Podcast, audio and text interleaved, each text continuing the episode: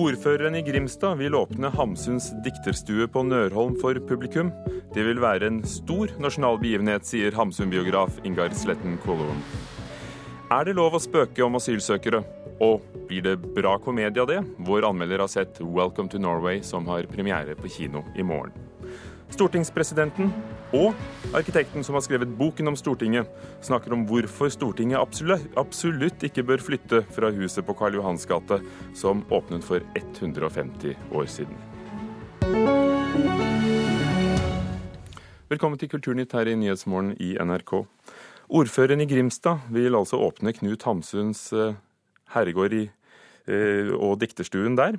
Herregården Nørholm har i mange år vært stengt for publikum og er i privat eie og bruk.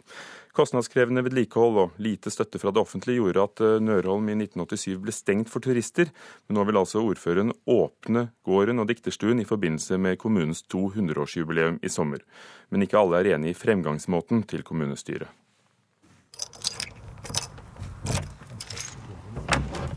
I høst ble døra til Nørholm dikterstova og gården til Knut Hamsun i Grimstad åpna på gløtt for NRK. Men helt siden 80-tallet har den vært stengt for publikum. Mandag bestemte Grimstad kommune at Nørholm blir fritatt for eiendomsskatt. Samtidig ble det foreslått at kommunen skal gjøre en innsats for å få åpna gården for publikum, i samband med markeringa av 200-årsjubileet til byen til sommeren. Jeg vil bare benytte anledningen til å be ordføreren om å gå i dialog unnskyld, med familien Hamsun Ordfører Kjetil Glimsdal svarer at han tar oppfordringa. Jeg, jeg hadde vært eh, veldig glad hvis vi kunne ha fått åpna opp uh, Nørholm. For uh, Hamsun er jo en viktig del av Grimstads dikterhistorie. Det har i mange år vært en til dels vanskelig dialog mellom kommunen og tidligere beboer på Nørholm. Hamsun sitt oldebarn, som har bodd på gården den siste tida, ønsker ikke å kommentere saken nå, da de ikke har hørt fra kommunen enda. Festivalsjef for Ibsen- og Hamsun-dagene, Torolf Kroglund, kjenner saka godt. Dette huset har jo sin eh, bestemte historikk. Eh, det har vært eh, kontroversielt, og det har vært, vært åpent i noen perioder. Han ønsker òg et OP Nørholm, men mener kommunen nå tråkker i salaten. Helt siden altså, prosessen mot Hamsun, så har jo forholdet mellom Hamsun og stat kommune ikke vært eh, det beste. Og så sier man det på en måte offentlig og gjør det til et slags eh, politisk eh, vedtak uten å ha snakka med familien eller andre aktører rundt omkring. Så, så kan det i alle fall oppfattes som nokså arrogant. Da. Den meninga deler Svein Harberg, leder for kulturkomiteen for Stortinget for Høyre og tidligere ordfører i Grimstad. Jeg tror ikke denne dialogen hører hjemme i eh, kommunestyret. Dette er en dialog som må gå i en god dialog med eierne der. Hva skal vi gjøre videre med denne eiendommen? Han har lenge jobba for å skaffe middel til Nørholm, og å finne en mulighet for å få åpne staden for publikum. Jeg har hatt et langt og spennende samarbeid med familien Hamsun om eh, historien. Eh, og jeg synes det er veldig fint at de nå har grepet fatt i å sikre dikterstuen for fremtiden. Eh, dette er som jeg nevnte en privat eiendom og må behandles med respekt i forhold til det. Det utfører også litt når vi skal gi tilskudd til dette. Men jeg tror det er mange her som er enige om at vi må prøve å bidra, slik at vi kan ta vare på historien. Til kritikken svarer ordføreren at han fikk et spontant spørsmål i kommunestyret mandag og at han derfor svarte både kommunestyret og NRK. Han vil gå videre med saka i tida som kommer, og sier både Harberg og Kroglund vil bli kontakta i det arbeidet. Men at han foreløpig ikke har en plan klar. Så vi får prøve om vi kanskje kan begynne med litt eh, blanke ark, i hvert fall. Og forhåpentligvis finne en god løsning nå. Og reportere var Miriam Grov og Marie Pile Svåsson, som vi hørte i reportasjen. Ingar Sletten Kollund, Hamsun-biograf. Grimstad feirer 200 år og har lyst til å få åpnet Nørholm. Hva syns du om ideen?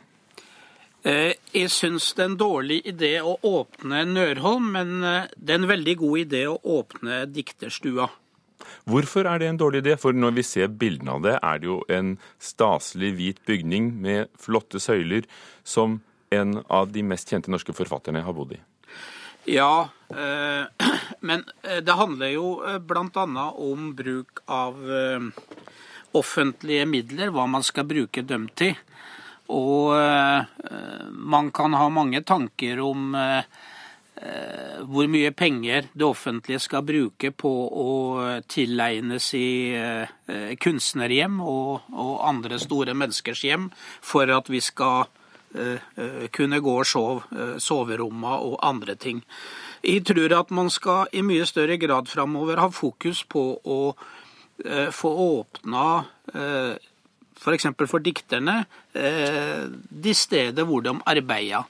Og i det tilfellet her så har faktisk Norge et helt unikt sted, i og med at dikterstua til Knut Hamsun den står akkurat slik som Eh, den sto da han eh, forlot den eh, siste gang rundt 1950. Et helt unikt sted å og, besøke. Og det ligger på eiendommen, ikke sant? Det ligger på eiendommen. Så jeg syns at her skal man holde tingene veldig fra hverandre. Hva gir et besøk til dikterstuen for en som er glad i Hamsun? Ja, det tror jeg kan gi veldig mye. Langt mer enn å se soverommet. Eh, det private syns jeg man kan overlate til oss eh, biografer og grafsi. Og så er det jo også faktisk privat? Det er noen som bor der? Det er faktisk privat, ja. Nei, dikterstua, den eh, som sagt, den står slik den sto. Og der er bøker, der er manuskripter, der er eh, stolen han satt i, det hjemmelagde skrivebordet. Eh, å sitte der, som jeg har gjort flere ganger, gir jo en helt slik unik inntreden i Knut Hamsuns eh, eh, forfatterliv. Det var jo der han, han skapte noen av sine store arbeider. Det var ikke på kjøkkenet. Det er jo morsomt å se, og det er et blikk inn i en annen tid, og særlig hvis det har stått uh, uforandret, akkurat som man kan besøke Karen Bliksens hjem f.eks. i Danmark. Men betyr det egentlig noen ting for forståelsen av et forfatterskap uh, å se stolen uh, han satt på? Nei. Svaret er nei. Man bør konsentrere seg om å, å, å lese, lese verkene etter de store forfatterne og høre på musikken etter etter komponistene. Så hvorfor denne, hvorfor denne, sorgen over f.eks. at uh, Edvard Munchs atelier Ekely ble revet, og, og, samtidig den interessen for å åpne f.eks. da Nørholm? Ja, men her må vi igjen skille at atelieret til Munch blir revet. Eh, det sies jo sjøl at det var ingen klok, eh, klok eh, avgjørelse, for da kommer du inn i, i kunstverkstedet. Eh, men vi må skille mellom det private og Eh, det som har med vedkommendes kunst å gjøre. Hvordan har arven etter Hamsun vært behandlet? Du, Da er det en ting å si, og det er det at Hamsuns etterkommere de har forvalta den svære internasjonale kulturarven etter Knut Hamsun meget godt. Både eh, sønnene Tore og Arild og barnebarna eh, Leif Hamsun, som fortsatt steller med rettighetene, og Victoria Hamsun, som da eh, eier av Nørholm. Ingar Sletten Kollund, som skrev tobindsbiografien om Knut Hamsun i 2003-2004. Takk for at du kom til Kulturnytt, og så får vi se om Grimstad lykkes i å åpne hele eller deler av Nørholm, slik de ønsker til sommeren. Hollywood-filmen 'Snømannen', som nå er på Rjukan for å filme, får igjen 40,5 millioner kroner av utgiftene de har her i landet, gjennom den såkalte insentivordningen. Men nå er flere irritert på at filmen stikker av med nesten alle pengene. Reporter Thomas Alverstein Ove. Ja, for regjeringen hadde opprinnelig satt av 45 millioner kroner til denne ordningen, som går ut på at utenlandske filmproduksjoner kan søke om å få tilbake noe av pengene de bruker her i landet. Og dette er for å lokke dem til, eh, til å filme her. Men en annen Hollywood-produksjon føler seg lurt. Downsizing, som eh, skal ha Matt Damon i hovedrollen, vil filme her. Men da pengene ble delt ut i går, så fikk de bare halvparten av det de søkte om. Norge lokker med å refundere inntil 25% og downsizing-produsenten eh, Leifur Dagfinnsson eh, sier til Aftenposten at det blir omtrent som å gå inn i en butikk og tro at du skal få en god rabatt, men når du kommer til kassen, så er rabatten plutselig halvert. Denne filmen fikk for så vidt innvilget 4,5 millioner kroner i går. Men også de norske produsentene og, foreningen deres er skuffet? Ja, leder i Virke produsentforeningen, Torbjørn Urfjell, han beklager at insentivordningen starta med halv fart som han sier.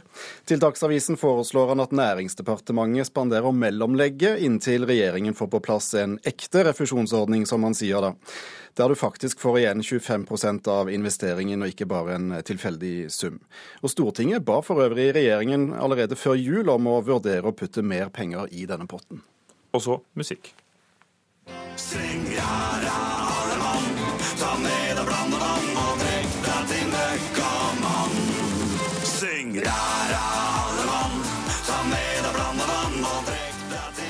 Litt av en låt. I Stavanger er reaksjonene sterke etter at bl.a. Staysman og Lass, som deltok i Melodi Grand Prix i fjor med denne sangen vi hørte her, holdt konsert til inntekt for Kreftforeningen denne uken. Hvorfor? Jo, turneen Vinterlyd, eh, som Kreftforeningen arrangerer sammen med P4, skaper eh, uro i oljebyen. 10 eh, 000 publikummere hadde møtt opp, eh, og mange av disse var barn i 8-10-årsalderen. Og mange synes derfor det var drøyt å presentere tekster som oppfordrer til sex og fyll, og at dette skulle bidra til å, å samle inn penger for, eh, for kreftsaken. Og Pedagogikkprofessor Stein Erik Ulvund sier til Stavanger Aftenblad i dag at dette fremstår som en ganske drøy måte å, å drive pengeinnsamling på. Polfarer og forlegger Erling Kagge får kanskje nye oppgaver? Ja, Kagge er innstilt som ny, eh, nytt sentralstyremedlem i Høyre. Han sier til Aftenposten at han ikke har ambisjoner om å bli en eh, veldig synlig politiker, og lover at han ikke skal legge bort eh, forleggeriet til fordel for en ny politisk karriere. Partileder Erna Solberg sier til Aftenposten at hun håper Kage kan bidra både med næringslivserfaring og såkalt common sense. Takk, Thomas Alverstein Ove.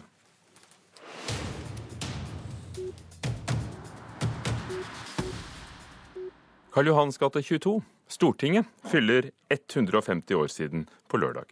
Fra en omflakkende tilværelse fikk nasjonalforsamlingen et eget hus. Olemic Thommessen, stortingspresident, gratulerer. Tusen takk. Hvorfor ønsket dere dere en egen bok om huset deres? Fordi det er et veldig viktig hus med en fantastisk eh, historie som jeg tror eh, ikke er så godt eh, kjent. Stortingsbygningen er jo et symbol for oss. Nesten alle i Norge tror jeg får stortingsbygningen opp på netthinnen hvis man tenker på Stortingets virksomhet. Men historien er nok kanskje ikke så kjent. Og den er viktig for helheten. Og denne boken ble, blir lansert med brask og bram i dag. Peter Buttensjøen, arkitekt, du har skrevet historien om Stortinget og huset. Hva er det ved huset selv som gjør at alle kan fremkalle et sånt bilde av den? Det er et veldig spesielt hus. Det ligner ikke på noe. Og det skriver på en måte sin egen historie. Det har laget sin egen arkitekturhistorie. Det, det, ligner ikke på andre hus i andre land heller.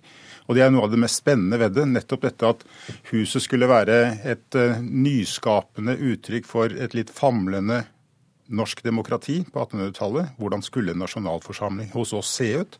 Skulle den ligne på et gresk tempel eller på et nordtysk rådhus med bierstube i kjelleren? Eller skulle vi lage noe som var helt egenartet? Og det ble egenartet, og det tror jeg folk merker seg. Og tegnet av en svenske, da? Og tegnet av en ung svenske med meget liten erfaring men som da ble hauset frem av Bjørnson og Sverdrup og andre, som syntes at dette, dette, var noe spesielt og rart og egenartet, og noe ingen andre hadde. For deg som arkitekt og da også arkitekturhistoriker må det være forsmedelig at det ikke var vinnerutkastet i konkurransen som ble bygd?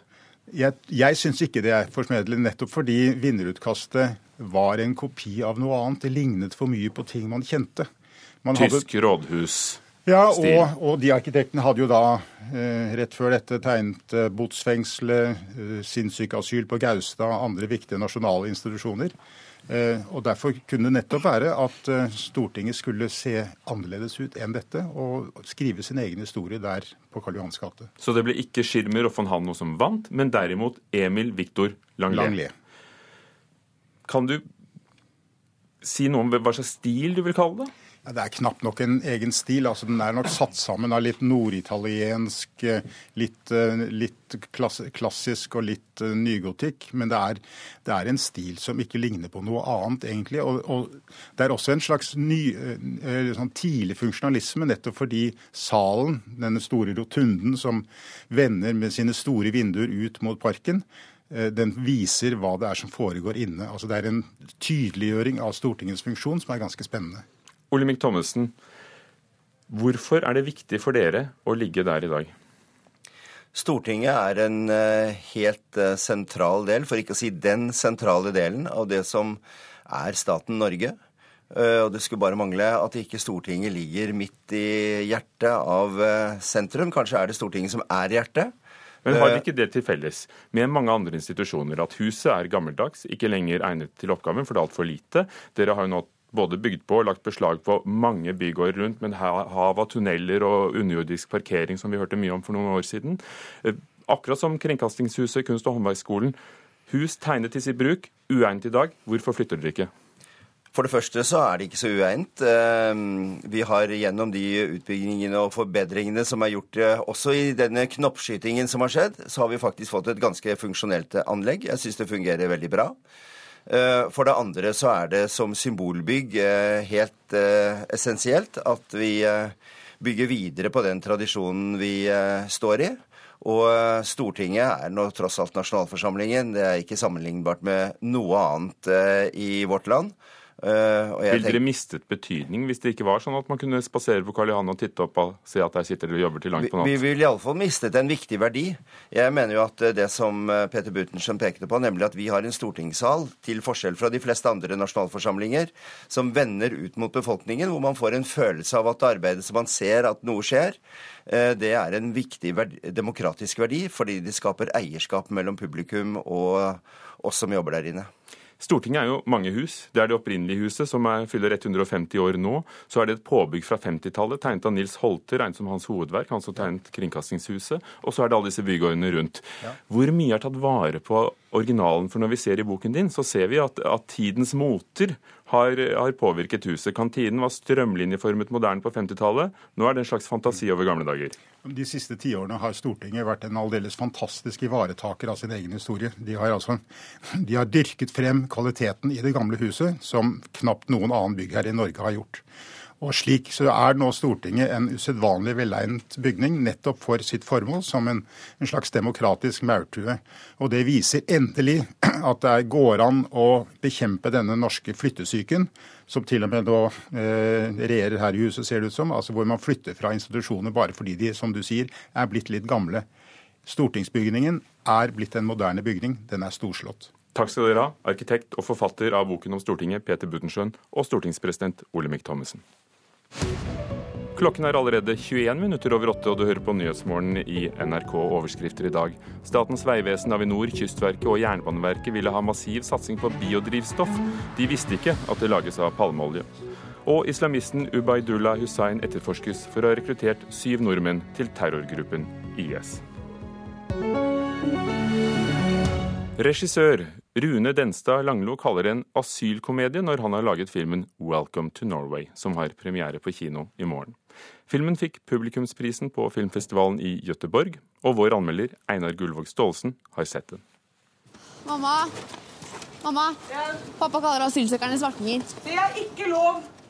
Welcome to Norway er en uvanlig norsk fiksjonsfilm, for den er aktuell. Det er problemstillinger i den som kan være stridbare og morsomme samtidig. Det er noe å ta tak i, for å si det sånn. Vi har ventet på en slik. Men filmen tar for lett på stoffet. Den nøyer seg med å referere klisjeene i tankesettet vårt, pluss noen rasistiske fraser og handlinger. Det er ikke nok. Slikt må lukte svidd for å være morsomt. Rune Denstad Langlo er vag i manus og tannløs i filmatiseringen. Han er altfor forsiktig med de religiøse spenningene. Han skummer noen poeng om sjiaer og sunnier og koptere og katolikker og asylregler og legeattester og sånn, som faktorer i fordelingen av rommene. Poenget utdypes ikke. så tar han lett på det tragikomiske i en fallert norsk hotelleier som skaper seg ny velstand når nøden er størst. Det er en åpenbar utfordring å skaffe mat til de nye beboerne når forrådet består av 25 frosne kneip og noen selvfiskede ørreter som ble fryst ned i 2007. Men regissøren er ikke god til å utvikle humoren i det. Hvor mye trenger du, da? Hæ?